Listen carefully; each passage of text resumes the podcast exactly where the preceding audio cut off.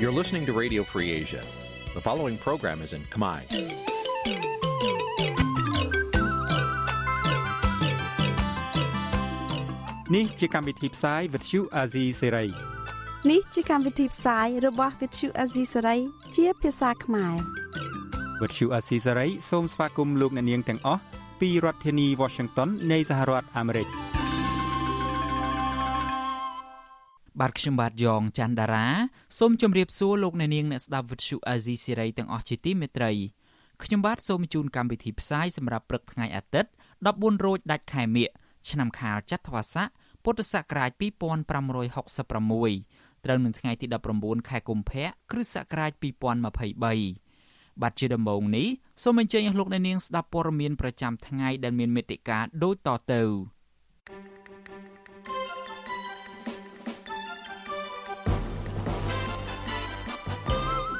កម្ពុជានិងចិនគ្រោងធ្វើសម្ពយុទ្ធយោធារួមគ្នាព្រះមហាក្សត្រអំពាវនាវឲ្យប្រជាពលរដ្ឋទៅបោះឆ្នោតដោយកុំភ័យខ្លាចអញ្ញាធរខេត្តបៃលិនរដ្ឋបិទធ្ងន់ធ្ងរទៅលើសេរីភាពនយោបាយជនជាដើមភៀកតិចនៅខេត្តស្ទឹងត្រែងខំរស់ទាំងត្រដក្រោយពីរងផលប៉ះពាល់ពីគម្រោងទំនប់វារីអគ្គិសនីសេសាន រួមនឹងព័ត៌មានសំខាន់សំខាន់មួយចំនួនទៀត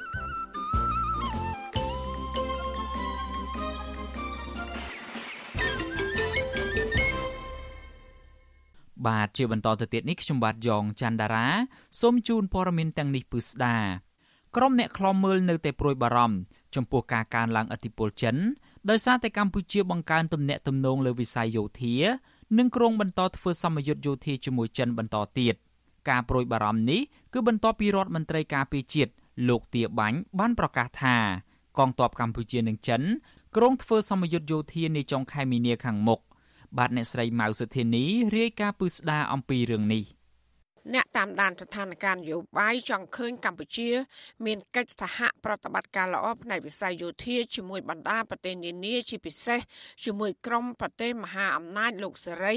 ស្របពេលដែលកម្ពុជាបង្កើនកិច្ចសហប្រតិបត្តិការផ្នែកវិស័យយោធាជាមួយចិនកាន់តែខ្លាំង។ពួកគេលើកឡើងថាកម្ពុជាគួររិះរកមធ្យោបាយក្នុងការស្ដារទំនាក់ទំនងល្អជាមួយប្រទេសលោកសេរីនិងបង្កើនកិច្ចសហប្រតិបត្តិការផ្នែកវិស័យយោធាឲ្យបានស៊ីជម្រៅដូចជាប្រទេសចិនដើម្បីបញ្ជាការរិះគន់ថាកម្ពុជាពុំបានអនុវត្តនយោបាយអព្យាក្រឹតនិងលំអៀងទៅប្រទេសចិនកុម្មុយនីសតែម្ខាង អ្នកសិក្សាស្រាវជ្រាវផ្នែកភូមិសាស្ត្រនយោបាយលោកវ៉ាន់បណ្ណាយល់ឃើញថាការធ្វើសម្ពយុទ្ធយោធារវាងកងទ័ពកម្ពុជានិងចិនគឺជាការពង្រឹងកិច្ចសហប្រតិបត្តិការទំនាក់ទំនងផ្នែកវិស័យយោធាឲ្យកាន់តែស្អិតល្មួតបន្ថែមទៀតក្រៅពីនេះលោកថាវាក៏ស្ថិតនៅក្នុងក្របខ័ណ្ឌមួយក្នុងការជួយពង្រឹងសមត្ថភាពកងទ័ពកម្ពុជានិងចិន តាមរយៈការហ្វឹកហ្វឺនសម្ពយុទ្ធយោធា លោកថាកម្ពុជាគួរបង្កើនទំនាក់ទំនងល្អនិងធ្វើសម្ពយុទ្ធយោធាជាមួយប្រទេសមហាអំណាចផ្សេងទៀតដូចជាសហរដ្ឋអាមេរិកជាដើមលោកជឿឃើញថាបើកម្ពុជាអាចមានកិច្ចសហប្រតិបត្តិការល្អជាមួយបណ្ដាប្រទេសមហាអំណាចធំធំ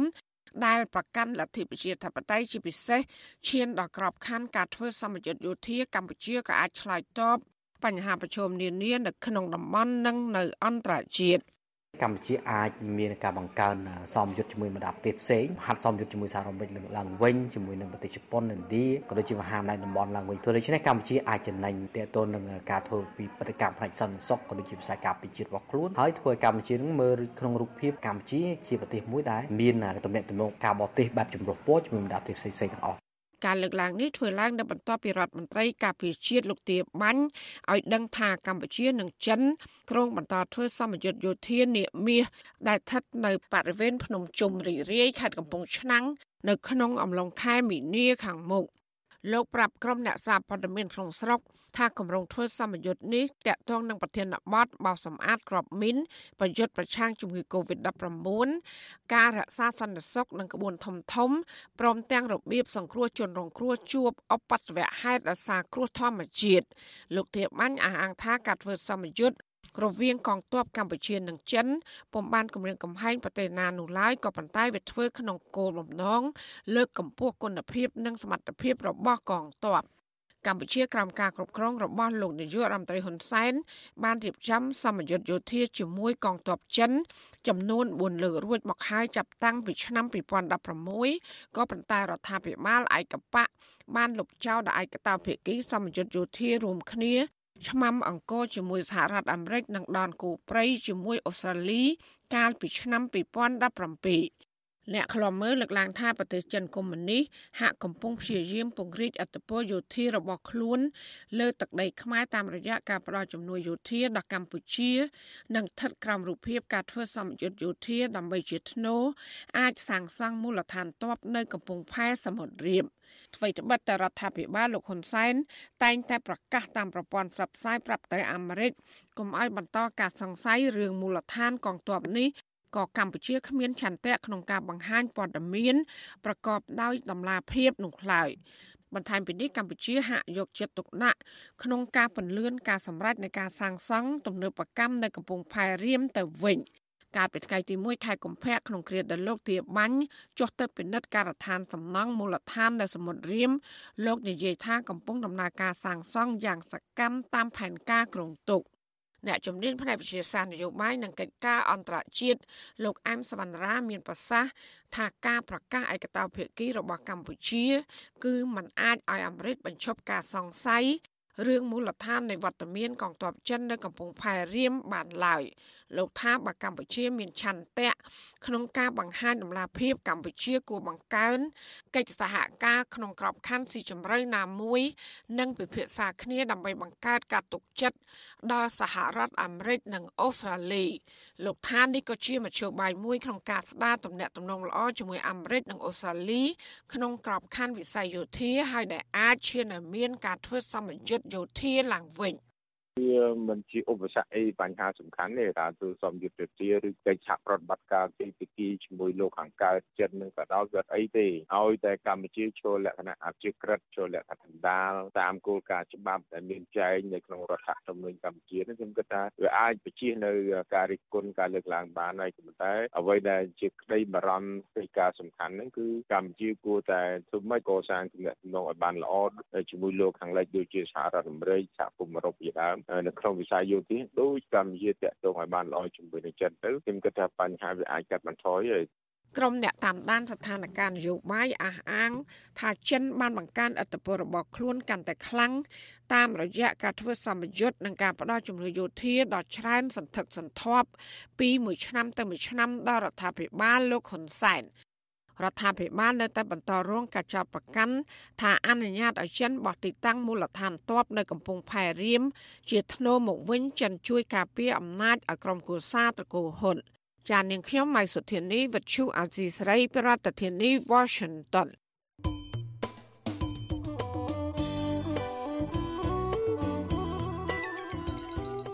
លោកអ្នកនាងជាទីមេត្រី ដំណើរគ្នានឹងស្ដាប់ការផ្សាយរបស់វិទ្យុអាស៊ីសេរី នៅតាមបណ្ដាញសង្គម Facebook និង YouTube លោកអ្នកនាងក៏អាចស្ដាប់ការផ្សាយរបស់យើងតាមវិទ្យុរលក ធាតុអាកាសខ្លីបានដែរពេលព្រឹកចាប់ពីម៉ោង5កន្លះដល់ម៉ោង6កន្លះតាមរយៈប៉ុស SW 9.39 MHz ស្មើនឹងកម្ពស់ 32m និងប៉ុស SW 11.85 MHz ស្មើនឹងកម្ពស់ 25m ពេលយប់ចាប់ពីម៉ោង7កន្លះដល់ម៉ោង8កន្លះ តាមរយៈប៉ុស SW 9.39 MHz ស្មើនឹងកម្ពស់ 32m ប៉ុស SW 11.88 MHz ស្មើនឹងកម្ពស់ 25m និងប៉ុស SW 15.15 MHz ស្មើនឹងកម្ពស់ 20m បាទសូមអរគុណ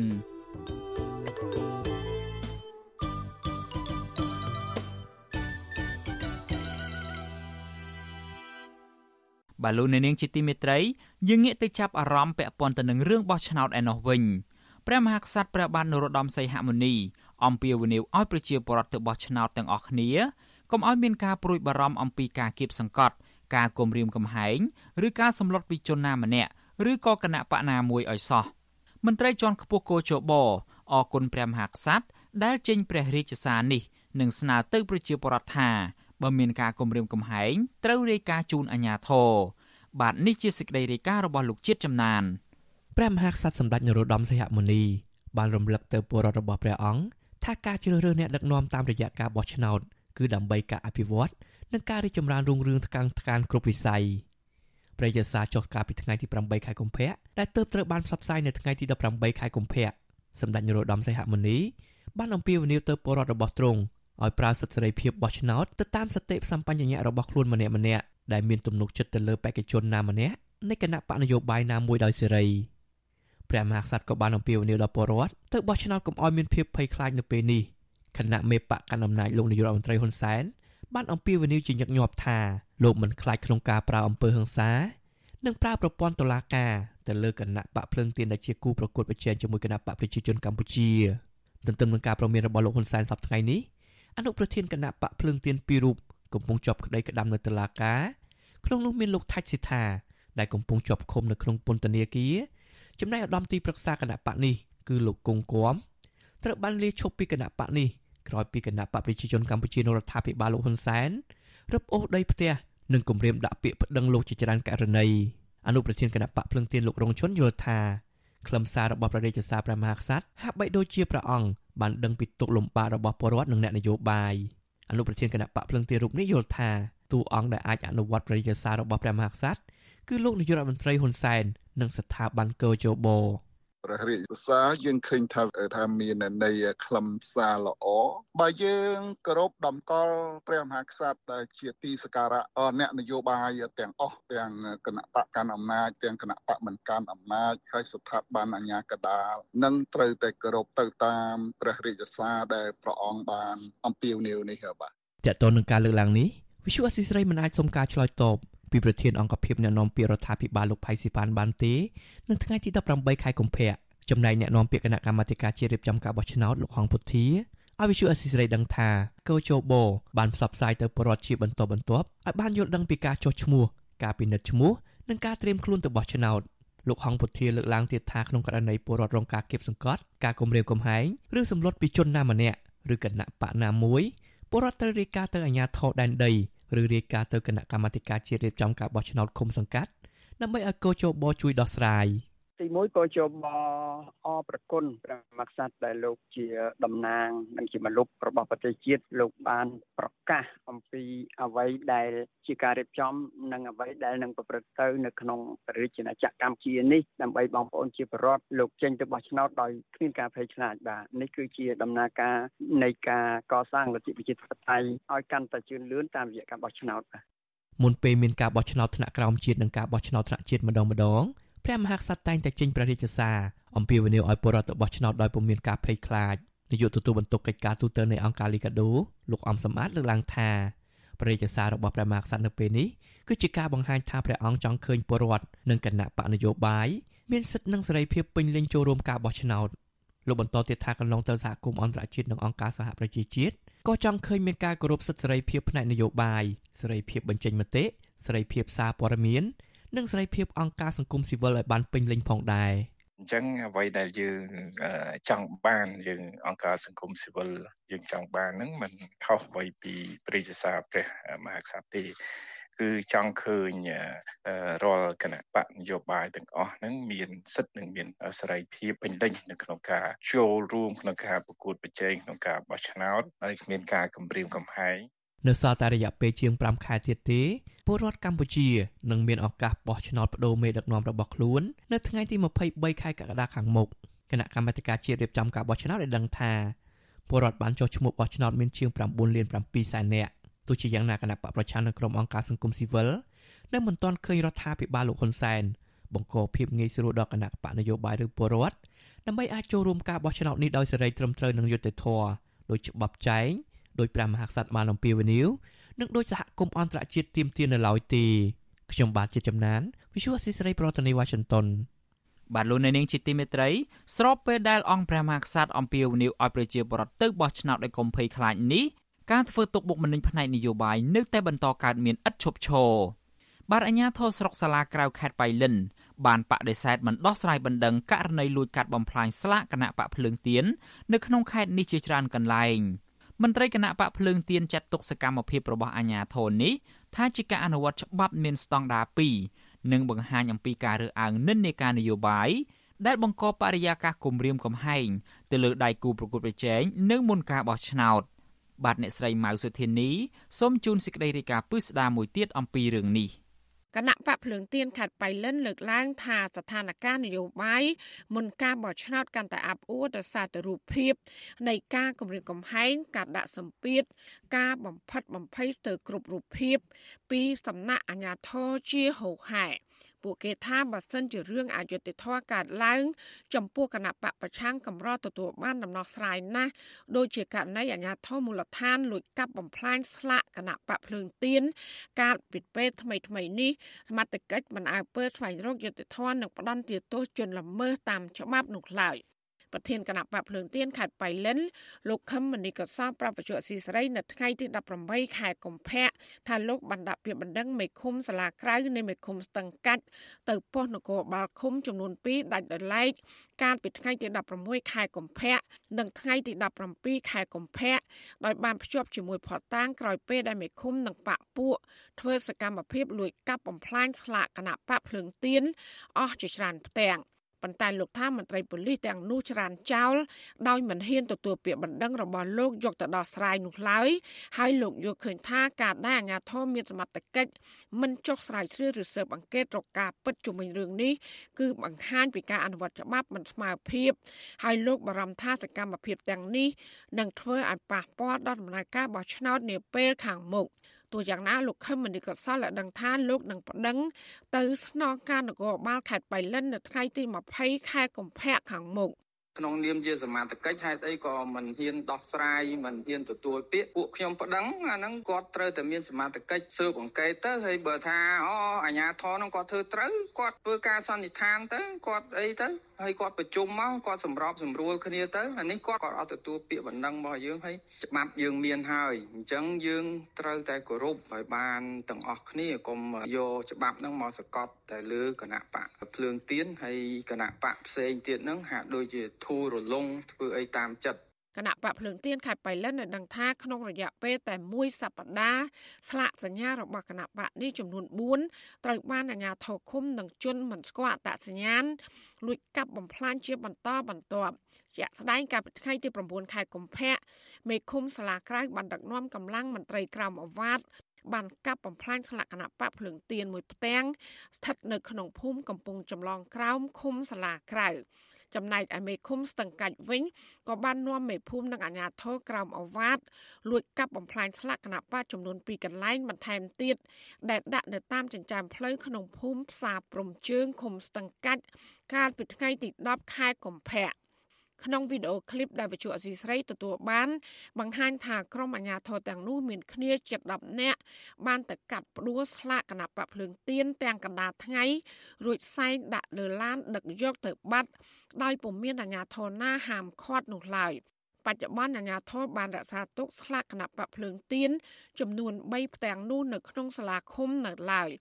វត្ថុអសីស្រីមិនអាចតកតងអាជ្ញាធរឃុំនិងអភិបាលខេត្តបៃលិន អ្នកស្រីបានស្រីមុំនិងអ្នកនាំពាក្យក្រសួងមហាផ្ទៃលោកខៀវសុភ័ក្រដើម្បីបកស្រាយជុំវិញរឿងនេះបានទេនៅថ្ងៃទី18ខែកុម្ភៈដោយសារទូរស័ព្ទហៅចូលតែពុំមានអ្នកទទួល ច្បាប់ស្តីពីគណៈបកនយោបាយមាត្រា4ចែងថាគ្រប់គណៈបកនយោបាយមានសិទ្ធិស្មើគ្នាក្នុងការទទួលបានបុព្វសិទ្ធិនិងការយកចិត្តទុកដាក់ដោយស្មើភាពគ្នាពីរដ្ឋាភិបាលនិងអាជ្ញាធរគ្រប់ជាន់ថ្នាក់ ចំណែកឯច្បាប់ស្តីពីការជ្រើសតាំងតំណាងរាស្ត្រមាត្រា69វិញក៏បានចែងថាស្លាកគណៈបកនយោបាយអាចលើកនៅទីសាធារណៈដោយមានការសម្របសម្រួលពីអាជ្ញាធរឃុំសង្កាត់ផ្អែកទៅលើគោលការណ៍ស្មារភាពសន្តិសុខសណ្ដាប់ធ្នាប់សាធារណៈនិងសភនភាពសាធារណៈ ចាជុំវិញរឿងនេះអ្នកសម្របសម្រួលផ្នែកខ្លំមើលការរំលោភសិទ្ធិមនុស្សនៅប្រចាំខេត្តបាត់ដំបងលោកអិនគង្ជិតមានប្រសាសន៍ថាអាញាធមមានទួនាទីដោះស្រាយឬក៏បង្កលក្ខណៈងាយស្រួល ចំពោះការអនុវត្តសិទ្ធិភាពរបស់ពលរដ្ឋទោះបីជាពួកគេមាននិន្នាការណាក៏ដោយលោកមើលឃើញថាមុនការបោះឆ្នោតនេះសកម្មភាពគណៈបកភ្លើងទៀននៅខេត្តបៃលិនពិបាកអនុវត្តសិទ្ធិជាមូលដ្ឋានហើយពួកគេតែងតែរងគ្រោះជាបន្តបន្ទាប់ លោកបន្ថែមថាអាជ្ញាធរខេត្តបៃលិន កំពុងប្រើប្រាស់អំណាចរបូកច្របល់ដោយសារតែបែងចែកមិនដាច់រវាងការគ្រប់គ្រងរដ្ឋបាលសាធារណៈនិងទួលនីតិនៅក្នុងបកសង្គមស៊ីវិលគ្រាន់តែសុំស្នើឲ្យមន្ត្រីរដ្ឋបាលសាធារណៈអាជ្ញាធរពិសេសអាជ្ញាធរដែនដីហ្នឹងត្រូវបង្កលក្ខណៈងាយស្រួលដល់គណៈបកដតីទៀតដែលក្រសួងមហាផ្ទៃបានទទួលស្គាល់ឲ្យត្រូវអនុវត្តច្បាប់សម្របសម្រួលដើម្បីផ្ដល់ឱកាស ឲ្យគណៈបកដតីដតីទៀតគាត់អាចធ្វើសកម្មភាពស្របតាមច្បាប់ដើម្បីចូលរួមប្រកួតប្រជែងនៅក្នុងការងារបោះឆ្នោតជ្រើសរើសតំណាងរាស្ត្រនាពេលខាងមុខនេះ ក្រៅតែពីគណៈបកភ្លើងទៀនរងការរើសអើងផ្នែកនយោបាយអាញាធរខេត្តបៃលិនក្រោមការដឹកនាំរបស់អ្នកស្រីបានស្រីមុំចាប់តាំងពីថ្នាក់លើរហូតដល់ថ្នាក់មូលដ្ឋានក៏បានគៀបសង្កត់សិទ្ធិសេរីភាពការជួបប្រជុំរបស់សង្គមស៊ីវិលកាន់តែខ្លាំងដែលធ្វើឲ្យពួកគាត់មិនអាចបំពេញការងារដើម្បីជួយប្រជាពលរដ្ឋនិងជនរងគ្រោះបានដោយរលូននោះឡើយ។ មន្ត្រីសិទ្ធិមនុស្សបញ្ជាក់ថាអាញាធរតម្រូវឲ្យសុំច្បាប់អនុញ្ញាតឬជូនដំណឹងជាមុនតាក់ទងសកម្មភាពបើកវគ្គអប់រំផ្នែកសិទ្ធិមនុស្សដល់ប្រជាពលរដ្ឋទោះបីគ្មានច្បាប់តម្រូវឲ្យធ្វើបែបនេះក៏ដោយសេចក្តីប្រកាសជាសកលស្តីពីសិទ្ធិមនុស្សមាត្រា27ចែងថាមនុស្សគ្រប់រូបមានសិទ្ធិចូលរួមដោយសេរីក្នុងជីវភាពវប្បធម៌របស់ខ្លួនដោយឡែកមាត្រា35នៃរដ្ឋធម្មនុញ្ញវិញ កំណត់ថាប្រជាពលរដ្ឋខ្មែរទាំងពីរភេទ មានសិទ្ធិចូលរួមយ៉ាងសកម្មក្នុងជីវភាពនយោបាយសេដ្ឋកិច្ចសង្គមគិច្ចនិងវប្បធម៌ហើយសេចក្តីស្នើទាំងឡាយរបស់ប្រជាពលរដ្ឋត្រូវតែទទួលការពិនិត្យនិងដោះស្រាយដោយអង្គការរដ្ឋផ្ទុយទៅវិញអង្គការផ្នែកសិទ្ធិមនុស្សនិងមន្ត្រីបកភ្លើងទៀនយកឃើញថាការស្នើរបស់គណៈបកប្រឆាំងឬក៏ប្រជាពលរដ្ឋកម្រឃើញអាជ្ញាធររដ្ឋដោះស្រាយប្រកបដោយយុត្តិធម៌ណាស់ ពួកគាត់មើលឃើញថាសារបង្ក្រាបលើសិទ្ធិនយោបាយការបញ្ចេញមតិនិងសារនយោបាយបែបគម្រាមកំហែងនិងប្រកាន់បកពួកតែងតែកើតឡើងជារឿយៗដែលជះឥទ្ធិពលអាក្រក់ដល់សង្គមជាពិសេសការបំពេញមុខងាររបស់មន្ត្រីសាធារណៈចាននាងខ្ញុំម៉ៃសុធានីវັດឈូអាស៊ីសេរីប្រធានាធិបតី Washington បាទលោកនាងជាទីមេត្រីក្រៅពីករណីរំលោភបំពានទៅលើសិទ្ធិនយោបាយហើយនោះ អាជ្ញាធរខេត្តបៃលិនក៏កំពុងគៀបសង្កត់ទៅលើលំហសេរីភាពរបស់អង្គការសង្គមស៊ីវិលផងដែរមន្ត្រីសិទ្ធិមនុស្សប្រចាំនៅតំបន់នោះឲ្យដឹងថាអាជ្ញាធរគៀបសង្កត់និងហាមឃាត់សកម្មភាពរបស់មន្ត្រីសង្គមស៊ីវិលនៅក្នុងការបើកវគ្គអប់រំនិងផ្សព្វផ្សាយដល់ប្រជាពលរដ្ឋឲ្យបានយល់ដឹងអំពីសិទ្ធិសេរីភាពនិងគ្រោះថ្នាក់នៃការធ្វើចំណាក់ស្រុកជាដើមបាទជាបន្តទៅទៀតនេះសូមលោកអ្នកនាងស្ដាប់បទសម្ភាសន៍រវាងលោកសេកបណ្ឌិត ជាមួយនឹងអ្នកសម្របសម្រួលសមាគមការពារសិទ្ធិមនុស្សអាត6ប្រចាំនៅខេត្តបាត់ដំបងនិងប៉ៃលិន គឺលោកយិនមេងលី អំពីបញ្ហានេះដូចតទៅមានសេចក្តីរាយការណ៍មកច្រើនណាស់ថាខេត្តប៉ៃលិននឹងមានការតឹងតែងជាងតំបន់ផ្សេងផ្សេងខ្ញុំចង់ឲ្យលោកយិនមេងលីរៀបរាប់បន្តិចមើលថាតើការដែលលំបាកនោះវាលំបាកអីខ្លះបញ្ហាដែលសង្គមស៊ីវិលជាពិសេសសមាគមអាត់ហុកជួបបញ្ហាហ្នឹងតាំងពីឆ្នាំ2021មកម៉េច បាទហើយរហូតដល់បច្ចុប្បន្ននេះដែលយើងអត់អាចធ្វើសកម្មភាពបើកវគ្គផ្សព្វផ្សាយនៅលើទឹកដីខេត្តបៃលិនបានបាទអញ្ចឹងយើងឃើញថានៅក្នុងអំឡុងចុងឆ្នាំ2021ដែលយើងទៅដើម្បីសហការព្រោះយើងតែងតែធ្វើការសហការជាមួយអាជ្ញាធរនៅក្នុងការរៀបចំវគ្គផ្សព្វផ្សាយរបស់ស្ត្រីនិយាយពីការជួញដូរនិយាយពីចំណាក់ស្រុកដោយសុវត្ថិភាពនិយាយពីបញ្ហាហិង្សាជាដើម ចឹងយើងទៅឃុំឃុំក៏ឲ្យយើងទៅជួបស្រុកពេលដែលយើងជួបស្រុកស្រុកបានឲ្យយើងដាក់លិខិតទៅខេត្តណាដល់ចឹងយើងជូនដំណឹងដាក់ទៅខេត្តតាមអ្វីដែលអាជ្ញាធរគាត់ប្រាប់សុំកិច្ចសហការក្នុងការរៀបចំវគ្គផ្សព្វផ្សាយហ្នឹងតែពេលដែលឆ្លើយតបគឺខាងស្រុកទៅវិញជាអ្នកឆ្លើយតបតែលិខិតយើងដាក់ទៅខេត្តដល់ពេលឆ្លើយតបយកបញ្ហាកូវីដលើកមករឿងបញ្ហាអូមីក្រុងអញ្ចឹងយើងឃើញថានៅចុងឆ្នាំ2021 ហើយនឹងនៅខែកុម្ភៈ2022រាជរដ្ឋាភិបាលបានបិទបញ្ចប់បញ្ហាកូវីដនេះនេះតាមខ្ញុំចាំអញ្ចឹងហេតុផលហ្នឹងយើងអត់អាចទទួលយកបានដោយសារតែសាលារៀនក៏បើករោងបនរោងការក៏បើកហើយយើងជួបជុំគ្នាមនុស្ស60នាក់យើងរក្សាស្តង់ដារដដែលយកហេតុផលហ្នឹងអញ្ចឹងរយៈពេលក្នុងឆ្នាំ2021យើងអត់បានធ្វើសកម្មភាពទេរហូតដល់អំឡុងខែខែ10 2022យើងធ្វើលិខិតពីរផ្ទួនគ្នាចេញទៅតែម្ដង លិខិតទី1គឺយើងដាក់ទៅខាងអាជ្ញាធរខេត្តទៀតជូនដំណឹងស្ដីពីការរៀបចំបវគ្គលិខិតមួយទៀតយើងដាក់សុំធ្វើការណាត់ជួបតែបើយើងនិយាយពីការឆ្លើយតបលិខិតជាលិលាអក្សរផ្នែករដ្ឋបាលអត់មានទាំងអស់អត់មានឆ្លើយតបមកនៅក្នុងឆ្នាំ2022នេះគឺតើតើយើងធ្វើការតាមដានតាម Telegram តាមទូរស័ព្ទរហូតតាមដានចឹងទៅអញ្ចឹងបានឆ្លើយមកវិញនៅហេតុផលដដែលគឺហេតុផលគឺអូមីក្រុងអញ្ចឹងយើងតាមទៀត ខលតាមទៀតចម្លើយឆ្លើយថាលោកជំទាវរវល់ហើយឲ្យអភិបាលរងម្នាក់ជាអ្នកជួបតែលើអភិបាលរងហ្នឹងគាត់រវល់ថែមទៀតថាអញ្ចឹងចិត្តផ្ទួនផ្ទួនយើងអត់បានជួបទៀតចូលឆ្នាំ2023ចឹងឆ្នាំ2023យើងក៏បានសម្រេចចិត្តនៅខាងស្នាក់ការកណ្ដាលលោកបានយកបញ្ហានេះលើកឡើងនៅក្នុងវេទិកាភាពជាដៃគូរវាងអង្គការសង្គមស៊ីវិលជាមួយរដ្ឋាភិបាលដូចជានៅសន្តាគារសខាយើងហ្នឹងបាទអញ្ចឹងកាលពីដើមខែ ដូចជាខែមករាយើងហ្នឹងដល់ពេលយកទៅគឺបានយើងបានធ្វើលិខិតគឺសំណើសុំទៅក្រសួងមហាផ្ទៃឲ្យជួយអន្តរាគមន៍នៅពេលដែលយើងដាក់ទៅក្រសួងមហាផ្ទៃហើយក្រោយមកនៅក្នុងខែ2យើងហ្នឹងបាទថ្ងៃទី2ខែ2 2023ហ្នឹងយើងធ្វើលិខិតមួយទៀតយើងគិតថាប្រហែលជាក្រសួងអាចធ្វើអន្តរាគមន៍ទៅហើយអញ្ចឹងយើងដាក់លិខិតទៅទៀតតែបានជួបយើងយើងនៅតែមានឆន្ទៈចង់ជួបជាមួយនឹងលោកជំទាវ ដើម្បីនិយាយគ្នាគ្មានអីសំខាន់ជាងការជួបនិយាយគ្នានឹងទេយើងជឿជាក់អញ្ចឹងតើវិជាចេតនាណាមួយក្នុងការរៀបរៀងមិនឲ្យមានសកម្មភាពផ្សព្វផ្សាយឬមួយក៏អប់រំអំពីសិទ្ធិមនុស្សនេះតែម្ដងឬមួយក៏ដល់ហេតុផលអូមីក្រុងនេះដែលជាកត្តាសំខាន់បើតាមលោកមើលឃើញទៅវាមិនមែនជាកត្តាអូមីក្រុងទេព្រោះឥឡូវដូចខ្ញុំបានជម្រាបមិញហ្នឹងថាដូចជា20កុម្ភៈ2022រាជរដ្ឋាភិបាលបាត់បាត់បញ្ចប់ហើយរឿងកូវីដហ្នឹងអញ្ចឹងការដែលសុំរបស់សមាគមនេះរហូតដល់2023ហើយនឹងចុង2022អញ្ចឹងវាមិនមែនជាបញ្ហាកត្តាកូវីដទេហើយយើងយើងក៏ពិបាកនឹងថាថាតើលោកជំទាវបានដឹងរឿងហ្នឹងទេឬក៏លិខិតរបស់យើងត្រូវបានកប់ត្រឹមណាមួយនេះដែលជាតែចង្អល់ព្រោះដោយសារតែយើងអត់បានជួបកាលណាយើងអត់បានជួបយើងពិបាកនឹងក្នុងការនិយាយថាតើវាជាចេតនាឬក៏ វាកតាអីផ្សេងទៀតឬក៏លោកជំទាវមិនបានមិនបានដឹងបញ្ហាហ្នឹងអញ្ចឹងយើងអត់ទាន់ហ៊ានប៉ុន្តែបើសិនជាអាជ្ញាធរថ្នាក់ក្រោមក្រោមការគ្រប់គ្រងរបស់អ្នកស្រីបានស្រីបំជាអភិបាលខេត្តនេះគឺថាលើកហេតុផលអំពីកូវីដប៉ុន្តែស្ថានភាពកូវីដនៅតំបន់ភៀកច្រើននោះដូចជាការ៉ាអូខេភោជនីយដ្ឋានធំបើកទូលាយឲ្យមានការចូលយ៉ាងកក្រឹកកក្រែងហើយដូចជាមិនមានជាបញ្ហាហេតុតែជាបញ្ហាតែការបើកសិក្ខាសាលាឬមួយក៏ការជួបជុំផ្សព្វផ្សាយអំពីបញ្ហាសិទ្ធិមនុស្សនេះ ចាប់តាំងពីឆ្នាំ2021មកលោកជំទាវបានស្រីមុំគាត់បានធ្វើជាអភិបាលមកហើយចឹងនេះជាបញ្ហាដែលយើងបានជួបប្រទះនៅក្នុងហ្នឹងជាងយើងអាចនិយាយថានៅក្នុងអាណត្តិរបស់លោកជំទាវក៏បានដែរបាទ អរគុណមកផ្នែកទៀតមិនមែនតែជាការលំបាកសម្រាប់អង្គការសង្គមស៊ីវិលផ្នែកសិទ្ធិមនុស្សដែលពិបាកនឹងធ្វើការងារសហការជាមួយនឹងអាជ្ញាធរនៅក្នុងខេត្តបៃលិននេះទេឥឡូវនេះគណៈបកភ្លើងទៀនដែលរងការគំនិតកំហែងផ្នែកនយោបាយការលួចកាត់ស្លាកគណៈបកនយោបាយដែលទាមទារឲ្យបណ្ដឹងដោះស្រាយឲ្យអាជ្ញាធរនោះគឺថាអាជ្ញាធរថ្នាក់ មូលដ្ឋានបានបដិសេធមិនដោះស្រាយបណ្ដឹងទេលោកយល់មិនដែរចំពោះការបដិសេធមិនទទួលយកបណ្ដឹងដោះស្រាយបញ្ហាការរំលោភបំពានទៅលើសិទ្ធិនយោបាយនិងការកាប់ស្លាកគណៈបកនយោបាយនេះយើងត្រូវធ្វើការញែកឲ្យដាច់ចេញពីគ្នា ការងារបកនិងការងាររដ្ឋបាលបាទទាំងមន្ត្រីនគរបាលយុតិធធទាំងអាជ្ញាធរចឹងទាំងមន្ត្រីនគរបាលយុតិធធនៅពេលដែលមាន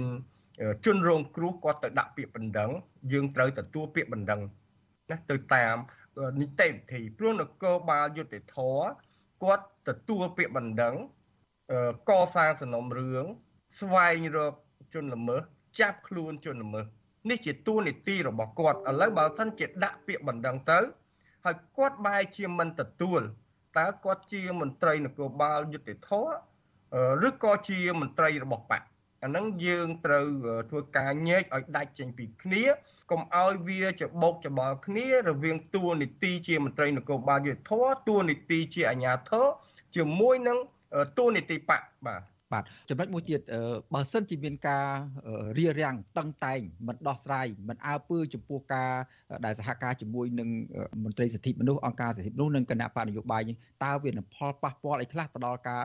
រស់នៅប្រកបរបរអាជីវកម្មនិងស្វែងរកយុត្តិធម៌នៅក្នុងសង្គមជាពិសេសចិត្តដល់ ការបោះឆ្នោតជាតិនាពេលខាងមុខនេះផងបាទបាទយើងមានការសោកស្ដាយដែលមិនអោយខាងសង្គមស៊ីវិលអញ្ចឹងផលដែលវគ្គផ្សព្វផ្សាយឲ្យដឹងនោះគឺប្រជាពលរដ្ឋជាអ្នកទទួលផលព្រោះយើងនិយាយពីទេសន្តរប្រវេសដោយសវត្ថភាពអញ្ចឹងខេត្តបៃលិនជាខេត្តមួយជាប់ព្រំដែនថៃអញ្ចឹងមានប្រជាពលរដ្ឋច្រើនណាស់ទៅប្រទេសថៃយើងអត់អាចទប់មិនឲ្យគាត់ទៅបានទេអញ្ចឹងឲ្យទៅចុះតែឲ្យគាត់យល់ដឹងថានៅពេលដែលគាត់ជួបបញ្ហាជួបហានិភ័យនៅប្រទេសថៃ តើអ្នកណាខ្លះដែលអាចជួយគាត់បានតើលេខទូរស័ព្ទណាខ្លះដែលគាត់អាចតាក់ទងបានហើយទាំងអស់នេះគឺជាកតាបកិច្ចរបស់រដ្ឋទេ ដែលត្រូវធ្វើអតែដោយសារតែមានការខកខានឬឆក់ល្វែងបានជាសង្គមស៊ីវិលបានដើរតួនាទីនេះបំពេញជួយទៅដល់រដ្ឋអញ្ចឹងផលដែលខាតគឺប្រជាពលរដ្ឋណាបាទហើយការទទួលខុសត្រូវគឺរដ្ឋាភិបាលតាមរយៈកតាបកិច្ចនេះឯង បើនិយាយដាច់ដោយឡែកមួយទៀតពាក់ព័ន្ធនឹងរឿងការបោះឆ្នោតមកដល់នៅពេលខាងមុខអញ្ចឹងវានឹងធ្វើឲ្យស្ថានភាពនោះបើសិនជាបញ្ហានេះកើតច្រើនទៅច្រើនទៅมันមានការទប់ស្កាត់ដោះស្រាយទេ វានឹងធ្វើឲ្យប៉ះពាល់ទៅដល់ការបោះឆ្នោតព្រោះគេពិនិត្យមើលទៅលើការបោះឆ្នោតនោះគេពិនិត្យទាំងមុនបោះឆ្នោតមុនបោះឆ្នោតហ្នឹងតើមានអ្វីដែលកើតឡើងយើងថាវាសេរីវាយុត្តិធម៌ស្មើភាពគ្នាស្មើទេ បើគណៈបកមួយគាត់លើកស្លាដូចមករៀមដៃអញ្ចឹង2ម៉ែត្រ3ម៉ែត្រពីចិញ្ចើមផ្លូវជាតិទៀតណាតើវាប៉ះពាល់ដល់សវត្ថភាពប៉ះពាល់ដល់សន្តិសុខទេបាទសូមអរគុណជំរាបលោកទៅប៉ុណ្្នេះសិនបាទបាទជំរាបលាបាទអរគុណលោកអ្នកនាងទើបតែបានស្ដាប់បទសម្ភាសន៍រវាងលោកសេចបណ្ឌិតជាមួយនឹងលោកយិនមេងលីអ្នកសម្របសម្រួលសមាគមការពារសិទ្ធិមនុស្សអាត6ប្រចាំខេត្តបាត់ដំបងនិងប៉ៃលិនជុំវិញរឿងអាញាធរគៀបសង្កត់សិទ្ធិនយោបាយ និងសេរីភាពសង្គមស៊ីវិលនៅក្នុងមូលដ្ឋានខេត្តប៉ៃលិន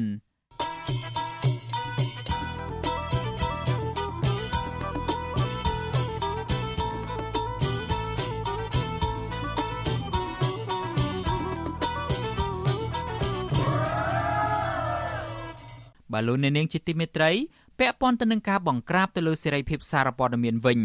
ក្រមយុវជនខ្មែរថាវរៈក្រមស្ត្រីថ្ងៃសុក រួមជាមួយនឹងសកម្មជនសិទ្ធិមនុស្សផ្សេងទៀតសរុបចំនួន14នាក់បានរួមគ្នាតវ៉ានៅទីលានប្រជាធិបតេយ្យនៅក្នុងរាជធានីភ្នំពេញដើម្បីស្នើឲ្យរដ្ឋាភិបាលផ្ដល់អាជ្ញាប័ណ្ណដល់សារព័ត៌មាន VOD ឡើងវិញមន្ត្រីអង្គការសង្គមស៊ីវិលលើកឡើងថាការដែលរដ្ឋាភិបាលបិទសារព័ត៌មាន VOD នេះមិនបានផ្ដល់ផលចំណេញទៅដល់រដ្ឋាភិបាលនោះឡើយបាទនេះជាសេចក្តីរាយការណ៍របស់លោកថាថៃក្រមយុវជនខ្មែរថាវរៈក្រមស្ត្រីថ្ងៃសុក រួមជាមួយសកម្មជនសិទ្ធិមនុស្សផ្សេងផ្សេងទៀតនៅតែបន្តតវ៉ាជាថ្មីទៀតនៅទីលានប្រជាធិបតេយ្យនៅថ្ងៃទី18ខែកុម្ភៈដើម្បីស្នើសុំឲ្យរដ្ឋាភិបាលអនុញ្ញាតឲ្យវិទ្យុ VOD ដំណើរការឡើងវិញដោយសារពួកគាត់មើលឃើញថា VOD គឺជាស្ថាប័នព័ត៌មានឯករាជ្យដែលទូនាទីសំខាន់នៅក្នុងសង្គមប្រជាធិបតេយ្យពួកគាត់បាននាំគ្នាកាន់បដាដែលមានសរសេរថា VOD គឺជាសម្លេងរបស់ប្រជាពលរដ្ឋសំឡងនាយករដ្ឋមន្ត្រីមេត្តាពិចារណាឡើងវិញសូមរក្សាទុក VOD និងពាក្យថាខ្ញុំស្រឡាញ់វិទ្យុ VOD ជាដើមអតីតសកម្មជនដីធ្លីតំបន់បឹងកក់លោកស្រីង៉ែតខុនដែលមានវ័យ80ឆ្នាំរៀបរាប់ដោយទឹកមុខមមថាមូលហេតុដែលជំរុញចិត្តឲ្យលោកស្រីមកចូលរួមតវ៉ាស្នើឲ្យរដ្ឋាភិបាលអនុញ្ញាតឲ្យសារព័ត៌មាន VOD អាចដំណើរការឡើងវិញ ព្រោះកន្លងមក សារព័ត៌មានមួយនេះបានជួយផ្សាយពីបញ្ហារំលោភដីធ្លីក្នុងសហគមន៍បង្កក់ជាច្រើនរហូតទទួលបានដំណោះស្រាយពីរដ្ឋាភិបាលលោកស្រីបន្ថែមថាការបិទសារព័ត៌មាន VOD ប្រៀបដូចជាការបិទសម្លេងប្រជាពលរដ្ឋនៅតាមមូលដ្ឋានជាច្រើនទៀតដែលរងគ្រោះពីការអភិវឌ្ឍហើយធ្វើឲ្យពួកគេមិនអាចទទួលបានដំណោះស្រាយពីថ្នាក់ដឹកនាំរដ្ឋាភិបាល VOD គាត់អត់មានកំហុសទេគាត់ផ្សាយមកពីណាលោកផៃសិដ្ឋានគាត់ណាក់និយាយណាក់ផ្ដល់ព័ត៌មានឲ្យគាត់លោកផៃសិដ្ឋានហើយគាត់មិនខមមិនចូលកំហុសពីលោកផៃសិដ្ឋានគាត់មកយកកំហុស VOD ដែល VOD ជាអ្នកស្នេហាជាតិបំរើជាតិជួយដល់សង្គមច្រើនណាស់ស្រដៀងគ្នានេះយុវជនខ្មែរថាវរៈម្នាក់ទៀតគឺកញ្ញាឆែមស្រីគៀលើកឡើងថាសារព័ត៌មាន VOD មិនត្រឹមតែមានទូនាទីសំខាន់ក្នុងការដោះស្រាយបញ្ហាជូនប្រជាពលរដ្ឋនោះទេ តែក៏អាចលើកកម្ពស់សុខសុវត្ថិភាពដល់សង្គមទាំងមូលផងដែរតាមរយៈការកាត់បន្ថយអំពើពុករលួយនិងការលើកកម្ពស់សេវាសាធារណៈកញ្ញានៅតែមានសង្ឃឹមថារដ្ឋាភិបាលនឹងពិចារណាឡើងវិញក្នុងការផ្ដល់ឱកាសឲ្យសារព័ត៌មាន VOD អាចដំណើរការឡើងវិញព្រោះការបិទសារព័ត៌មាននេះកន្លងមកមិនស្របទៅនឹងច្បាប់ស្តីពីរបបសារព័ត៌មានឡើយខ្ញុំនៅតែសំណូមពរឲ្យរដ្ឋាភិបាលលោកសម្រាប់បើ VOD ឡើងវិញ ព្រោះថាបើសិនជាយើងអត់មាន VOD ទេសកម្មភាពរបស់ប្រជាពលរដ្ឋការរងទុក្ខវេទនាដីធ្លីបញ្ហាប្រៃឈើភាពអយុត្តិធម៌អីហ្នឹងរដ្ឋាភិបាលបានទទួលទេព្រោះ VOD ហ្នឹងគាត់គឺជាអ្នកបើកបង្ហាញបញ្ហាពិតប្រាកដនៅក្នុងសង្គមណាអញ្ចឹងហើយខ្ញុំនៅតែទទូចដដែលដដែលឲ្យរដ្ឋាភិបាលលោកពិចារណាបើក VOD ឡើងវិញបើទោះបីជាមានការស្នើសុំឲ្យរដ្ឋាភិបាល ផ្ដល់អាជ្ញាប័ណ្ណដល់សារព័ត៌មានឯករាជ្យ VOD ឡើងវិញពីសំណាក់ក្រុមអង្គការជាតិអន្តរជាតិនិងបណ្ដាប្រទេសប្រជាធិបតេយ្យយ៉ាងណាក្តីក៏លោកនាយករដ្ឋមន្ត្រីហ៊ុនសែននៅតែប្រកាន់ជំហរដាច់ណាត់ថានឹងមិនផ្ដល់អាជ្ញាប័ណ្ណឲ្យសារព័ត៌មាន VOD បើកដំណើរការឡើងវិញឡើយលើសពីនេះលោកហ៊ុនសែនបែរជាព្យាយាមជំរុញឲ្យក្រុមបុគ្គលិកវិទ្យុ VOD ដាក់ពាក្យចូលធ្វើការបម្រើរដ្ឋាភិបាលទៅវិញលោកហ៊ុនសែនបានសរសេរលើទំព័រ Facebook កាលពីថ្ងៃទី17កុម្ភៈថា លោកផ្ដល់ឱកាសឲ្យបុគ្គលិក VOD ដាក់ពាក្យត្រឹមតែថ្ងៃទី28ខែកុម្ភៈតែប៉ុណ្ណោះបន្ទាប់ពីបុគ្គលិក VOD ភាគច្រើនមិនចាប់អារម្មណ៍ដាក់ពាក្យចូលធ្វើការបម្រើរដ្ឋាភិបាលដោយសុកចិត្តធ្វើស្រែនិងឡើងថ្នោតជុំវិញរឿងនេះអ្នកនាំពាក្យគណៈបកកណ្ដាលអំណាចលោកសុកអេសានយល់ឃើញថាការតវ៉ារបស់ក្រមសកម្មជនទាំងនេះមិនបានឆ្លុះបញ្ចាំងពីឆន្ទៈរបស់មហាជនឡើយ លោកបន្ថែមថារដ្ឋាភិបាលនឹងមិនអនុញ្ញាតឲ្យសារព័ត៌មាន VOD ដំណើរការឡើងវិញដោយការចង់បានរបស់ក្រុមអ្នកតវ៉ានោះឡើយរឿងបិទ VOD វាជារឿងកំហុសរបស់ VOD ដូចជាគ្មានពាក់ព័ន្ធអ្នកតវ៉ាទេហើយអ្នកតវ៉ានេះមិនមែនមហាជនប្រជាជនកម្ពុជាដែលកំពុងតែរស់នៅដោយសบายរីករាយក្រោមដំបូលសន្តិភាព ទោះជាយ៉ាងណាការលើកឡើងរបស់លោកហ៊ុនសែននិងក្រុមមន្ត្រីរបស់លោកដែលថាការដកអាជ្ញាប័ណ្ណសារព័ត៌មាន VOD គឺជាការអនុវត្តច្បាប់ស្តីពីរបបសារព័ត៌មានត្រូវបានគេមើលឃើញថាគ្រាន់តែជាការបកស្រាយបំភ្លៃច្បាប់តែប៉ុណ្ណោះព្រោះមាត្រា10នៃច្បាប់ស្តីពីរបបសារព័ត៌មានមិនបានចែងឲ្យដកអាជ្ញាប័ណ្ណសារព័ត៌មាននោះឡើយដោយមាត្រានេះគ្រាន់តែបង្គាប់ឲ្យសារព័ត៌មានកែតម្រូវអត្ថបទដែលនាំឲ្យប៉ះពាល់ដល់បុគ្គលសាធារណៈឬសងជាជំងឺចិត្តដល់ដើមមិនដឹងរដ្ឋបវេនីតែប៉ុណ្ណោះ ជុំវិញរឿងនេះនាយកទទួលបន្ទុកកិច្ចការទូតនៃអង្គការលីកាដូលោកអំសំអាតគាំទ្រចំពោះការស្នើសុំរបស់ក្រុមសកម្មជនសិទ្ធិមនុស្សព្រោះសារព័ត៌មាន VOD ប្រៀបដូចជាទូអង្គភ្ជាប់ទំនាក់ទំនងរវាងប្រជាពលរដ្ឋពីគ្រប់មជ្ឈដ្ឋានជាមួយរដ្ឋាភិបាលជាមួយគ្នានេះលោកនៅតែសង្ឃឹមថារដ្ឋាភិបាលនឹងផ្ដល់ឱកាសឲ្យវិទ្យុសំឡេងប្រជាធិបតេយ្យ VOD ដំណើរការឡើងវិញដើម្បីទទួលបានការសាទរពីសហគមន៍ជាតិនិងអន្តរជាតិនិងជំរុញឲ្យមានអភិបាលកិច្ចល្អ ចំហអង្គការសង្គមស៊ីវិលជាច្រើន មើលឃើញថាវត្ថុ VD ដើរតួនាទីសំខាន់ក្នុងលទ្ធិជាតិបតៃក៏ដូចជាចូលរួមក្នុងការអភិវឌ្ឍសង្គមជាតិយើងជាពិសេសវត្ថុមួយដែលផ្ដល់ឱកាសសម្រាប់បងប្អូនប្រជាពលរដ្ឋក្នុងការចូលរួមការបញ្ចេញមតិឬក៏ការទទួលនៃព័ត៌មានឯករាជ្យមួយហ្នឹងគឺនៅតែចង់ឃើញ VD ហ្នឹងមានការដំណើរការជាបន្តទៅទៀត លោកហ៊ុនសែនបានបញ្ជាឲ្យក្រសួងព័ត៌មានដកអាជ្ញាប័ណ្ណសារព័ត៌មានសម្លេងប្រជាធិបតេយ្យ VOD យ៉ាងតក់ក្រហល់កាលពីថ្ងៃទី13ខែកុម្ភៈបន្ទាប់ពីសារព័ត៌មានមួយនេះបានចុះផ្សាយនៅអត្ថបទមួយដែលប៉ះពាល់ដល់កូនប្រុសរបស់លោកទោះជាយ៉ាងណាសាធារណជនស្ថាប័នជាតិនិងអន្តរជាតិបានមើលឃើញយ៉ាងច្បាស់ពីចេតនារបស់លោកហ៊ុនសែនក្នុងការបិទសារព័ត៌មាននេះបណ្ដាប្រទេសនាំមុខប្រជាធិបតេយ្យនិងអង្គការសង្គមស៊ីវិលជាតិនិងអន្តរជាតិលើកឡើងថាការបិទស្ថាប័នព័ត៌មានឯករាជ្យយ៉ាងតក់ក្រហល់បែបនេះ ធ្វើឡើងក្នុងគោលបំណងរដ្ឋបិទសិទ្ធិសេរីភាពសារព័ត៌មានដែលតែងតែបង្ហាញពីចំណុចអវិជ្ជមាននិងអំពើពុករលួយក្រោមការដឹកនាំរបស់លោកហ៊ុនសែនដែលអាចធ្វើឲ្យគណៈបកប្រជាជនកម្ពុជារបស់លោកបាត់បង់នឹងការគ្រប់គ្រងនៅក្នុងការបោះឆ្នោតនៅថ្ងៃទី23ខែកក្កដាខាងមុខនេះខ្ញុំថាថៃពីទីក្រុងមែលប៊ន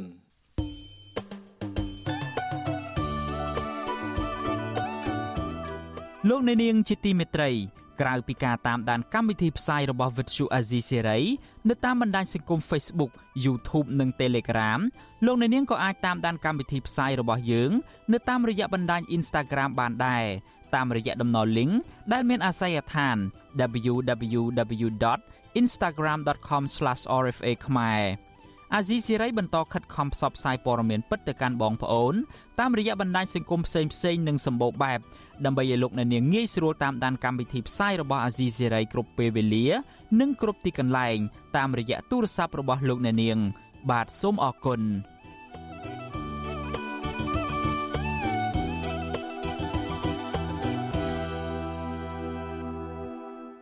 លោកអ្នកនាងកំពុងស្ដាប់ការផ្សាយរបស់ Vuthu Azizi Serai ពីរដ្ឋធានី Washington នៃសហរដ្ឋអាមេរិកពាក់ព័ន្ធទៅនឹងបញ្ហាការងារឯណោះវិញ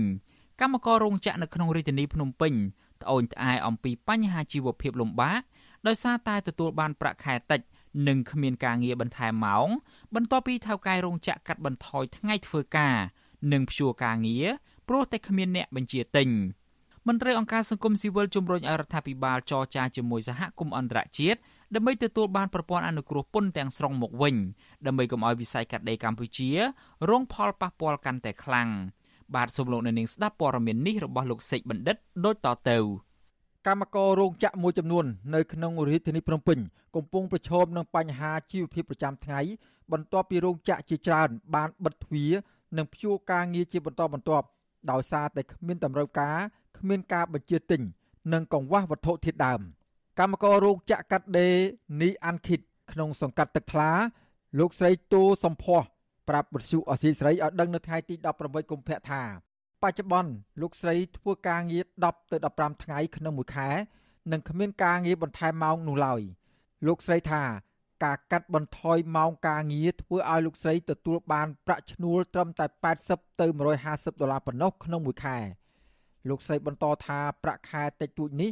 មិនអាចផ្គត់ផ្គង់ជីវភាពប្រចាំថ្ងៃនិងការសិក្សារបស់កូនកូនដោយការចំណាយត្រូវត្បិតត្បៀតជាងមុន និងមិនហ៊ានទិញម្ហូបអាហារល្អៗបរិភោគនោះឡើយ។ និយាយទៅមួយថ្ងៃទាំងកូនរៀងទាំងមហូប40000ចិត្តតែអាងប្រាក់ខែរោងចក្រប៉ុណ្ណឹងអូនចាយអីគ្រាន់មួយខែ150ហ្នឹងអ្នកម្នាក់សិនមានគ្រួសារទប់ហ្នឹងហើយចាគ្រាន់ថាតែតែលើវាពិបាកថាគ្រួសារក៏ពិបាកដែរប៉ុន្តែធ្វើម៉េចយើងត្រូវចំណាយឯហ្នឹងបើអត់ចំណាយកូនយើងទៅរៀនហើយម្ហូបយើងញ៉ាំរាល់ថ្ងៃហ្នឹងប្រាក់ឈ្នួលអបបរមាសម្រាប់កម្មកររោងចក្រកាត់ដេរក្នុងឆ្នាំ2023មានចំនួន200ដុល្លារអាមេរិកក្នុងមួយខែដែលកើនឡើងចំនួន6ដុល្លារ បើធៀបនឹងឆ្នាំ2022កម្មការនីរោងចក្រកាត់ដេរច្រាក់ក្នុងសង្កាត់ទឹកថ្លា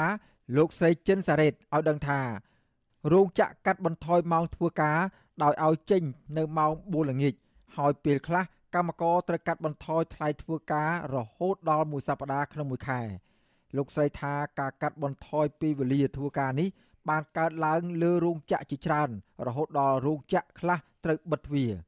លោកស្រីថាបញ្ហានេះបណ្ដាលឲ្យលោកស្រី និងកម្មករជាច្រើនអ្នកផ្សេងទៀតជួបការលំបាកនៅក្នុងជីវភាពប្រចាំថ្ងៃជាពិសេសអ្នកជាប់កាតព្វកិច្ចសបំណុលធនាគារហូបចុកអីវារៀងពិបាកដែរព្រោះអីថាវាអត់ទៅបានខែមកអីអញ្ចឹងម្នាក់ម្នាក់ចាយលុយអីអត់ទៅដូចមុនអីអញ្ចឹងត្រូវចាយរៀបតាមបិទវាទៅព្រោះអីម្នាក់ម្នាក់ទៅខលុយបងគេគ្រប់គ្នាដល់ពេលព្រមចាក់ចុះអញ្ចឹងអត់ទៅហ៊ានចាយលុយស្ដេចស្ដាស់ហើយ របាយការណ៍ពីសហព័ន្ធសហជីពសេរីកម្មករនៃព្រះរាជាណាចក្រកម្ពុជាគិតត្រឹមដើមឆ្នាំ2023នេះមានរោងចក្រចំនួន10បានបិទទ្វាររោងចក្រចំនួន20បានព្យួរការងារកម្មករហើយរោងចក្រប្រមាណ60ផ្សេងទៀតបានកាត់បន្ថយបុគ្គលិកនិងរោងចក្រប្រមាណ80%គ្មានវត្ថុធាតុដើមសម្រាប់កាត់ដេររបាយការណ៍ដដាលបញ្ជាក់ថារោងចក្រខ្លះបានព្យួរកិច្ចសន្យាការងារកម្មកររាប់ពាន់នាក់ចន្លោះពី2ខែរហូតដល់6ខែ ដោយអះអាងថាគ្មានអ្នកបញ្ជាទិញកម្មករដែលព្យួរការងារភ ieck ច្រើនត្រូវក្រុមហ៊ុនផ្ដល់ប្រាក់អត្ថប្រយោជន៍ត្រឹម15%ឬប្រមាណ30ដុល្លារនៃប្រាក់ឈ្នួលអបបរមាប៉ុណ្ណោះ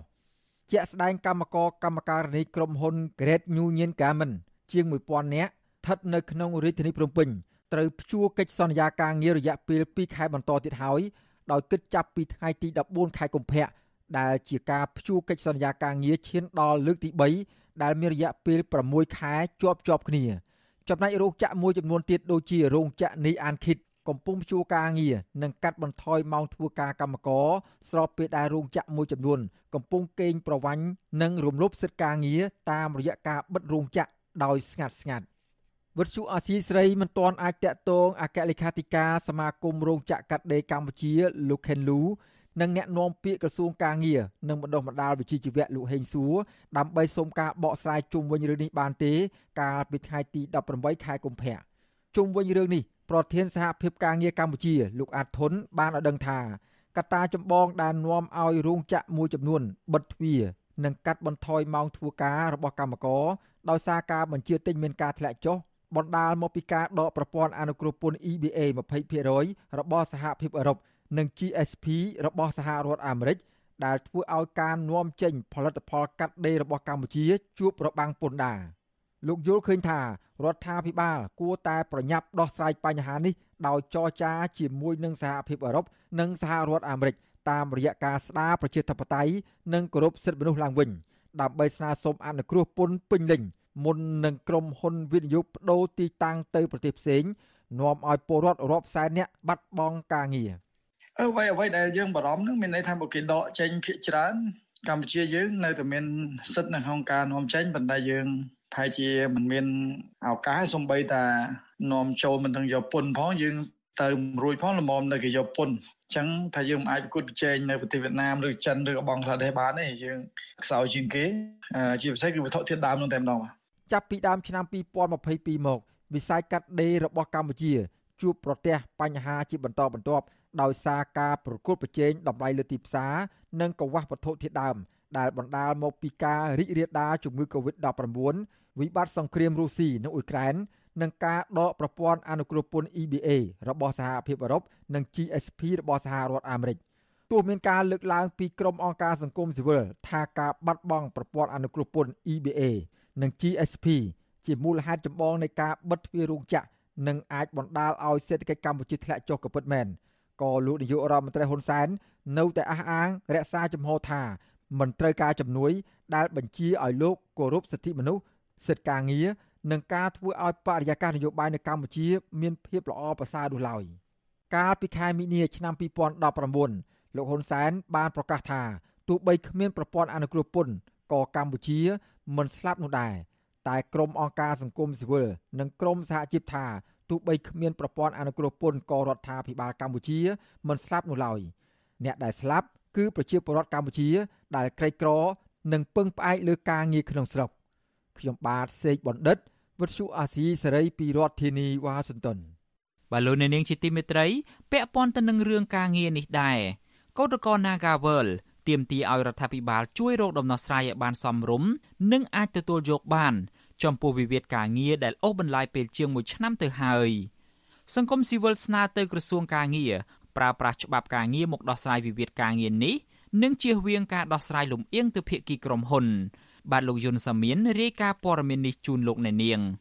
កោតក្រក្រុមហ៊ុន Naga World នៅតែបន្តទាមទារឲ្យរដ្ឋាភិបាលពន្លឿនការដោះស្រាយវិវាទការងារជូនពួកគាត់គណៈជំនួបរវាងក្រុមហ៊ុននិងកោតក្រ ធ្វើឡើងចំនួនជាង20ដងទៅហើយប៉ុន្តែនៅតែមិនទាន់មានដំណោះស្រាយ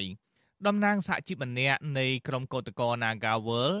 លោកស្រីរីសវណ្ណឌីឲ្យដឹងថាខាងសហជីពនៅតែបន្តទៀមទាឲ្យរដ្ឋាភិបាលដោះស្រាយវិវាទការងារជូនកោតកោ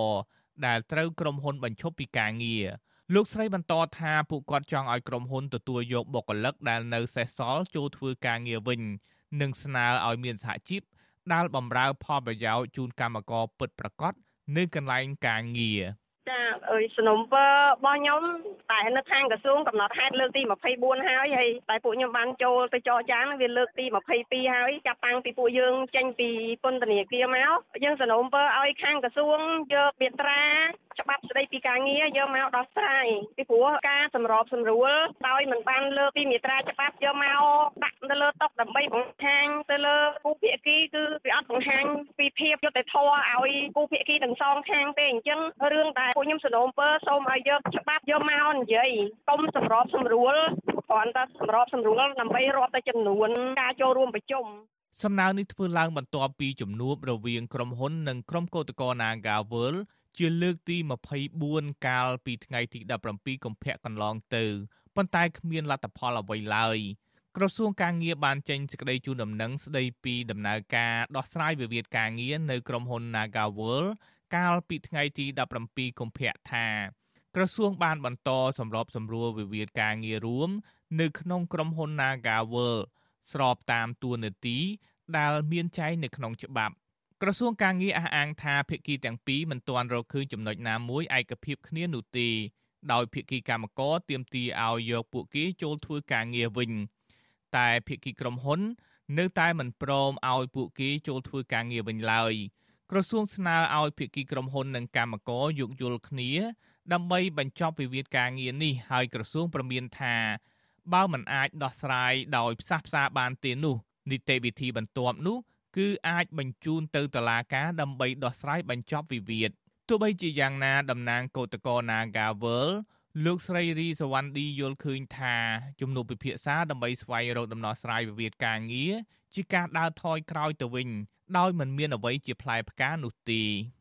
ការចូលទៅចរចាមិនមែនចរចាទេប៉ុន្តែកំពុងតែដើរថយក្រោយកំពុងតែដើរត្រឡប់ថយក្រោយមានន័យថាយើងកំពុងតែមានវិវាទរួមតាក់ទងទៅទៅការដែលក្រុមហ៊ុនយាមនីសហជីពរបស់យើងប៉ុន្តែក្រុមហ៊ុនកំពុងតែព្យាយាមទាញយកទៅជាបុគ្គលិកតែគាត់ចេញមកលះបង់ការងារខ្លួនឯងចេញមកធ្វើកោតកម្មហ្នឹងទៅជាអវត្តមានខុសច្បាប់វិញពាក់ព័ន្ធទៅនឹងករណីនេះប្រធានអង្គការសម្ព័ន្ធភាពការពារសិទ្ធិមនុស្សកម្ពុជា លោករស់សថាមានប្រសាសន៍ថា ប្រសិនបើវិវាទការងារនេះមិនអាចស្វែងរកដំណោះស្រាយតាមនីតិវិធីច្បាប់នោះទេភាគីកោតកោនឹងបាត់បង់ផលប្រយោជន៍លោកស្នើឲ្យក្រសួងការងារប្រើប្រាស់យន្តការដោះស្រាយទំនាស់ឲ្យបានគ្រប់ជ្រុងជ្រោយមុននឹងបញ្ជូនករណីនេះទៅតុលាការ តែងតែនិយាយថាទាំងអាជ្ញាធរទាំងក្រសួងការងារតែនិយាយថាគាត់មិននៅខាងនៃក្រុមហ៊ុនទេហើយក្រុមហ៊ុនក៏មិនបានផ្ដល់ឲ្យពួកគាត់ដែរក៏ប៉ុន្តែអ្វីដែលយើងធ្វើនឹងវាលេចជារូបភាពមួយថាយើងនៅនៅខាងខ្ញុំមិនចោទទេណាប៉ុន្តែវារូបភាពរបៀបដែលយើងធ្វើនឹងវាបង្ហាញនៅរូបភាពមួយថាយើងហាក់បីដូចជានៅជាមួយនឹងតែក្រុមហ៊ុនណាដូច្នេះ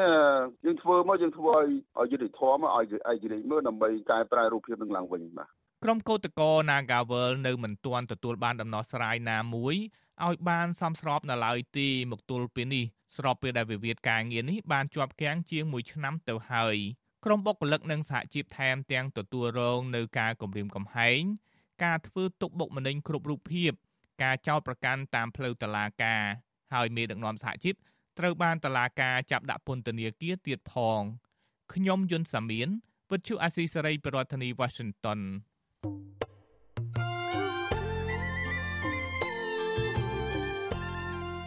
លោកអ្នកនាងជាទីមេត្រី នៅក្នុងឱកាសនេះដែរខ្ញុំបាទសូមថ្លែងអំណរគុណដល់លោកអ្នកនាងកញ្ញាទាំងអស់ដែលតែងតែមានភក្ដីភាពចំពោះការផ្សាយរបស់យើងហើយចាត់ទុកការស្ដាប់វិទ្យុអាស៊ីសេរីគឺជាផ្នែកមួយនៃសកម្មភាពប្រចាំថ្ងៃរបស់លោកអ្នកនាង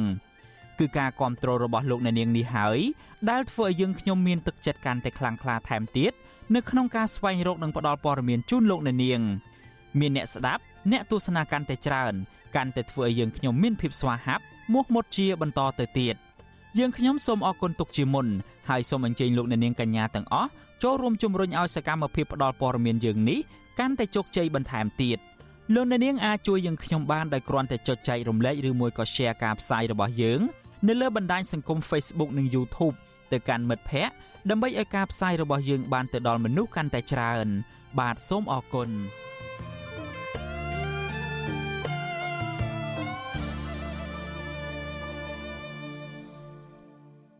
បាទលោកនាងជាទីមេត្រីនៅឯខេត្តស្ទឹងត្រែងឯណោះវិញប្រជាសហគមន៍ជនជាដើមភាគតិចខេត្តស្ទឹងត្រែង53គ្រួសាររស់នៅឃុំក្បាលរមៀសស្រុកសេសានខំប្រឹងប្រែងរស់ទាំងត្រដនិងទាំងលំបាកវេទនាក្រោយពីរងគ្រោះពីគម្រោងទំនប់វារីអគ្គិសនីសេសានក្រោម2អស់រយៈពេល5ឆ្នាំមកនេះពួកគាត់បញ្ជាក់ថាបច្ចុប្បន្នប្រជាពលរដ្ឋប្រកបរបរចិញ្ចឹមមាន់ទាគោក្របី និងធ្វើស្រែចម្ការបន្តិចបន្តួច ដើម្បីគ្រាន់បានប្រាក់ខ្លះយកមកផ្គត់ផ្គង់ជីវភាពប្រចាំថ្ងៃដោយសារតែពុំមានការយកចិត្តទុកដាក់ពីសំណាក់អាជ្ញាធរបាទសូមលោកអ្នកនាងស្ដាប់សេចក្តីរាយការណ៍ពឹស្ដារមួយទៀតរបស់លោកសេកបណ្ឌិត អំពីរឿងនេះដូចតទៅប្រជាសហគមន៍ជនជាតិដើមភាគតិចភ្នងទាំងនោះលើកឡើងថាពួកគាត់ត្រូវខិតខំប្រឹងប្រែងរកស៊ីពីព្រោះអ្វីអ្វីគឺជាការចាប់ផ្ដើមដំបូងទាំងស្រុងនៅលើទីតាំងថ្មី ក្រោយពីដីស្រែចម្ការផ្ទះសម្បែងរបស់ពួកគាត់ត្រូវបំផ្លិចបំផ្លាញអស់កាលពីឆ្នាំ2017ដោយសារតែក្រុមហ៊ុនវារីអគិសនីសេសានក្រោម2ទោះយ៉ាងណាប្រជាពលរដ្ឋទាំងនោះនៅតែទទូចសូមឲ្យអាជ្ញាធរពាក់ព័ន្ធជួយរកដំណោះស្រាយបញ្ហាជីវភាពគ្រួសារនិងវិវាទដីធ្លីជូនពួកគាត់ឲ្យបានឆាប់ជនជាដើមភាគតិចភ្នំម្នាក់ដែលរស់នៅភូមិក្បាលរមាសឃុំក្បាលរមាសស្រុកសេសានលោកដាំសំណាងប្រាប់វិទ្យុអាស៊ីសេរីថា ចាប់តាំងពីប្រជាពលរដ្ឋបានសម្រេចចិត្តមករស់នៅ លើភូមិថ្មីទាំងបង្ខំមកពួកគាត់មិនសប្បាយចិត្តឡើយដោយសារតែការរកស៊ីប្រចាំថ្ងៃខ្វះខាតច្រើនខណៈដែលដីស្រែពួកគាត់និងកន្លែងចិញ្ចឹមមាន់ទាគោក្របីត្រូវទឹកលិចអស់លោកបន្តថាប្រជាពលរដ្ឋទាំងនោះត្រូវខំថ្មិញសង្កត់ចិត្តចាប់ផ្ដើមធ្វើស្រែចម្ការលើដីថ្មី ដែលមានទំហំតិចតួច និងងាកមកចិញ្ចឹមគោក្របីឡើងវិញ គ្រាន់ទុកលក់បានថវិកាខ្លះដោះស្រាយជីវភាពប្រចាំថ្ងៃការចិញ្ចឹមសត្វរបស់គាត់ធ្លាប់ទលំទលាយពីមុនតែឥឡូវវារដ្ឋបិទខ្លាំងដោយសារមានការវិនិយោគប៉ះពាល់ដល់ដីកសិកម្មដល់ដីព្រៃជំនឿរបស់គាត់ដល់ដីពេទ្យផ្សេងផ្សេងទៀតសម្រាប់ចិញ្ចឹមសត្វដោយសារមានក្រុមហ៊ុនវិនិយោគផ្នែកកៅស៊ូហើយមកប៉ះពាល់លើដីធ្លីរបស់ពួកគាត់ឃើញជីវភាពរបស់ពួកគាត់វាខុសខាតហើយវាមិនមានដូចមុនទេហើយ ជនជាតិដើមភាគតិចភ្នងរូបនេះបន្តថាចាប់តាំងពីប្រជាពលរដ្ឋរងគ្រោះដោយសារការបើកទំនប់វារីអគ្គិសនីអស់រយៈពេល5ឆ្នាំមកនេះពលរដ្ឋក៏កំពុងបារម្ភអំពីរឿងថ្មីមួយទៀតគឺការផ្ដោតដីសម្បត្តិឲ្យមកក្រុមហ៊ុនចិន ដើម្បីដាំដើមកៅស៊ូលោកបន្តថាការផ្ដោតដីសម្បត្តិនេះកំពុងតែបង្កផលប៉ះពាល់ដល់ពលរដ្ឋខណៈដីស្រែចម្ការរបស់ពួកគាត់ត្រូវប្រឈមបាត់បង់ទៅឲ្យក្រុមហ៊ុនជាបណ្ដាបណ្ដា លោកស្នើសុំអាជ្ញាធរពាក់ព័ន្ធគួរតែពិនិត្យពីផលប៉ះពាល់មកលើប្រជាពលរដ្ឋជាមុនសិនមុននឹងផ្ដល់ដីសម្បត្តិសេដ្ឋកិច្ចទាំងនោះដល់ក្រុមហ៊ុនឈ្មួញឬអ្នកមានលុយមានអំណាចការអភិវឌ្ឍនៅកន្លែងណាមួយគួរតែសិក្សាបានច្បាស់លាស់គ្រប់ជ្រុងជ្រោយហើយមានការឯកភាពនិងការយល់ព្រមជាមុនពីអ្នករស់នៅក្នុងតំបន់ហើយទៅការអភិវឌ្ឍហ្នឹងបានវាល្អប្រសើរហើយទទួលបានទាំងគូភាគីអត់មានណាគីណាមួយមិនបានទទួលបានផលប្រយោជន៍ពីហ្នឹងទេ ទុយនឹងការលើកឡើងនេះមេឃុំក្បាលរមៀសស្រុកសេសាន លោកប៉ែនសុបុលលើកឡើងថាការរស់នៅរបស់ប្រជាពលរដ្ឋចំនួន53គ្រួសារនៅភូមិក្បាលរមៀសនាពេលបច្ចុប្បន្នមិនមានបញ្ហាអ្វីនោះទេ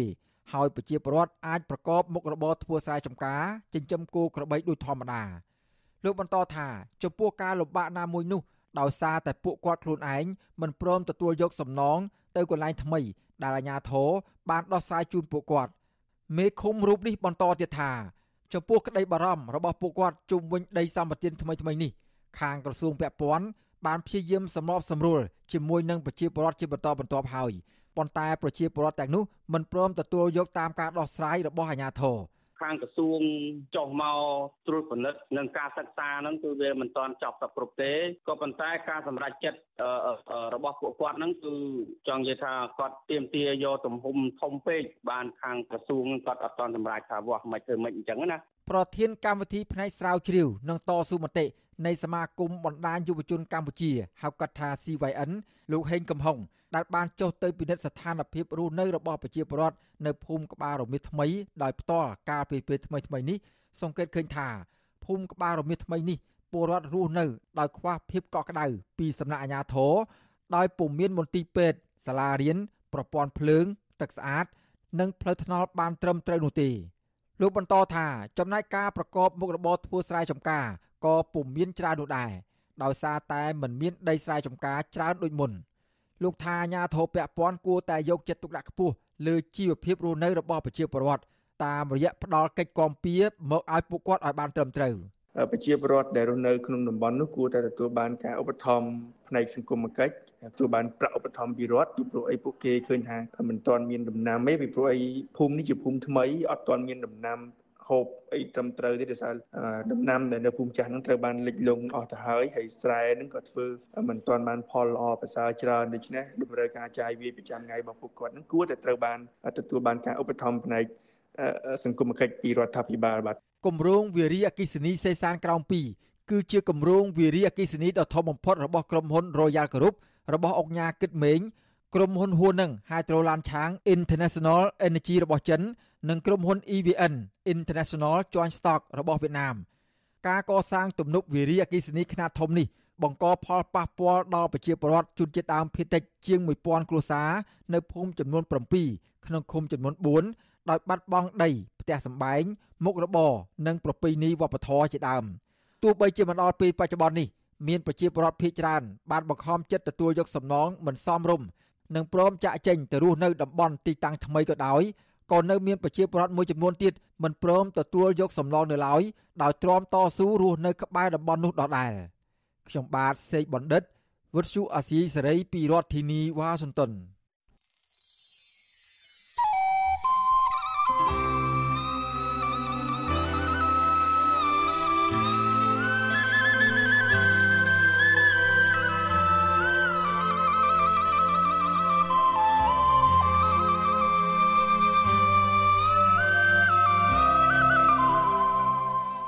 លោកអ្នកនាងជាទីមេត្រីការផ្សាយរយៈពេល1ម៉ោងរបស់វិទ្យុអាស៊ីសេរីនៅព្រឹកនេះចប់ត្រឹមតែប៉ុណ្ណេះយើងខ្ញុំសូមជូនពរដល់លោកអ្នកនាងព្រមទាំងក្រុមគ្រួសារទាំងអស់ឲ្យជួបប្រកបតែនឹងសេចក្តីសុខចម្រើនរុងរឿងកុំបីឃ្លៀងឃ្លាតឡើយខ្ញុំបាទយ៉ងច័ន្ទដារាព្រមទាំងក្រុមការងារទាំងអស់នៃវិទ្យុអាស៊ីសេរីសូមអរគុណនិងសូមជម្រាបលា